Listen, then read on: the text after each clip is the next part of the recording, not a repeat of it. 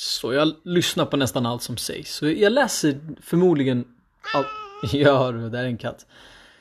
Och tittar på det som sänds och försöker hänga med i, i allt som är progressivt och nytt. Men och jag är öppen för det. Jag, jag, älskar nytänk. Jag upplever att många som, som kallar sig för liberaler idag inte producerar nya tankar utan de bara kämpar för att bevara det, det gamla och sådär. Men, men, men när jag lyssnar på identitetspolitik och känna mig som en boomer not getting what actually is going on in millennial land.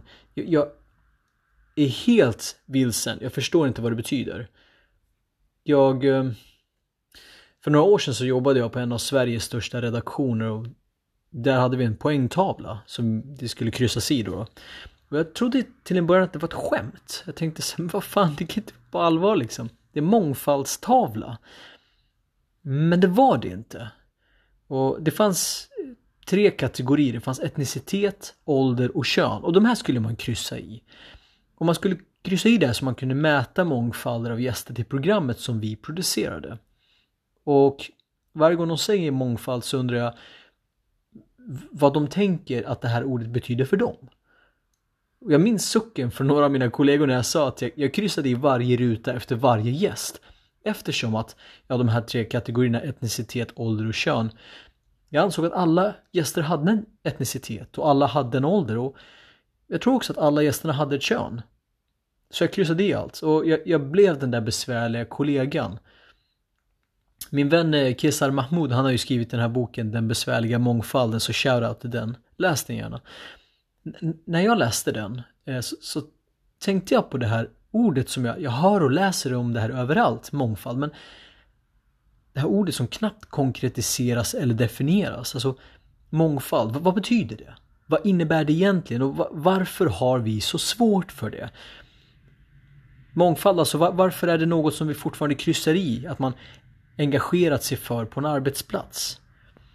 För jag tänker så att en, en, en person, en individ är aldrig bara lång eller vit eller en individ är aldrig bara kvinna eller svart eller icke-binär eller ja, samtidigt som vi prioriterar våra identiteter olika. Så jag ser ju, jag har ju två hundar, eh, två eh, omplaceringshundar så shoutout till alla som adopterar, Adopt on Shop.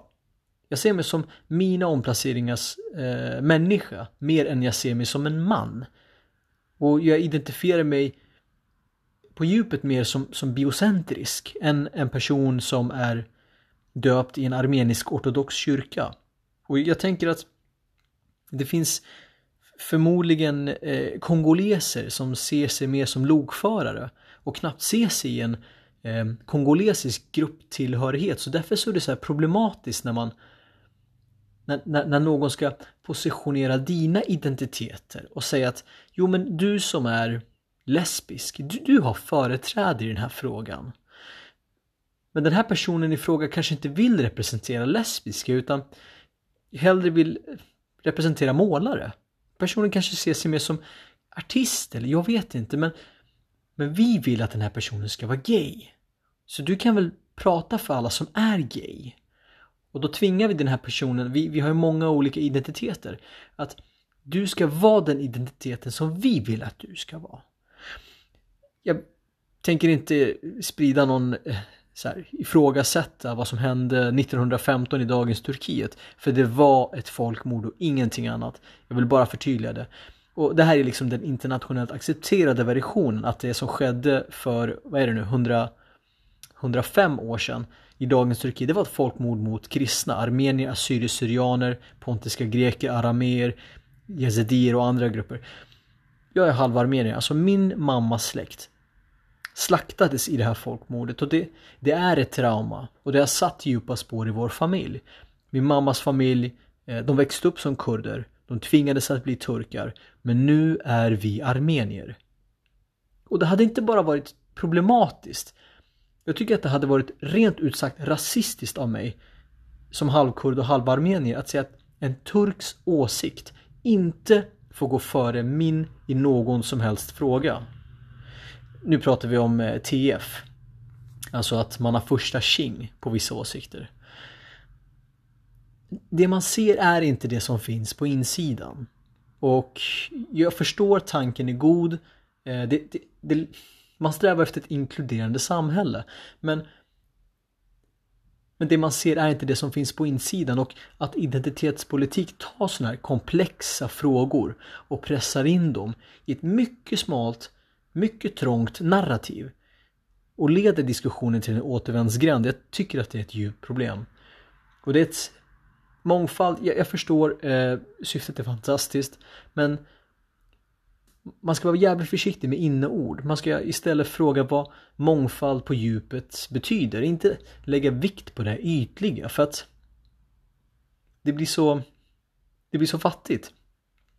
Jag tänker att om man enbart ser mångfald som någon form av blandning av olika hudfärger och sexuella läggningar och kromosomuppsättningar eller vad det nu kan vara så tycker jag att man har ett endimensionellt och också i allmänhet begränsat synsätt på vad mångfald är. För att en person är inte bara eh, aldrig bara brun eller vit eller är inte alltid bara svart, gay eller kort. Och vi, vi, kan inte tvinga folk till att vara just den identiteten som vi vill att de ska vara. Jag tycker vi ska söka efter kunskap och rätta oss efter det. Och inte liksom försöka ta det, den billiga vägen ut. Jag, jag tror att det blir någon sån här bildningsfientlighet. Och man skapar någon flockinstinkt när man säger Ja men titta, alla som jobbar på den här arbetsplatsen De har bara en hudfärg eller ett kön Visst, det är ju ett problem det också Men när man ska När man ska lösa det problemet Med samma utgångspunkt Då har man ju blivit så förblindad att man inte själv ser att man använder sig av den utgångspunkten och bidrar till det här samhället som man vill förhindra. Och det, det blir alltid så himla... Sommar i P1 har ju oftast liksom... Det är alltid inne att titta så här, eh, outa dem för att säga, ja men kolla det är inte tillräckligt många kvinnor eller tillräckligt många med hudfärger och man ska räkna folk med melaninhalter och sådär. Men man, man tittar aldrig på vart de bor. Man tittar aldrig på eh, deras klasstillhörighet, eh, deras ursprung, deras, deras utgångspunkt i livet utan det, det ska vara den mycket enkla, ytliga hm synen på, jag säger H&M för att det, de är så symbolen för vad jag tycker är ytligt. Utan jag tycker att man ska lägga ner en djupare tanke på vad mångfald är. Om det, jag tror att om det är något som en av världens nu levande mest inflytelserika psykologer, eh, Daniel Kahneman, har lärt oss så är det att vi, vi upplever hellre världen snabbt och oprecist än långsamt. Och det, är det, det är ju jag tycker att det är där vi landar. Att det, det, det blir så här. Det blir en McDonalds-åsikt. En McDonalds genom väget så här. Bara titta på det man ser. Och eh, då är ju det enda man ser hudfärger och sexuell... Har ni sett den här bilden på när folk håller händerna? som alla använder i sina så här mångfaldsföreläsningar. Oftast om du finns på en arbetsplats och du ni någon gång har bjudit in någon sån här person som sitter i manchesterbyxor med benen i kors och framåtlutad och frågar vad är mångfald tre gånger. Det är så de inleder. Mångfald. Vad är mångfald? Ja, vad är egentligen mångfald? Som att det fanns någon djup tanke i det där, förutom en intressant fråga som ingen i eh, på jobbet så vågar ifrågasätta. Så, så, så blir det så att man landar oftast i just det här tänket om att det, det är exakt det man kan se. Men det man ser är inte vad som finns på insidan.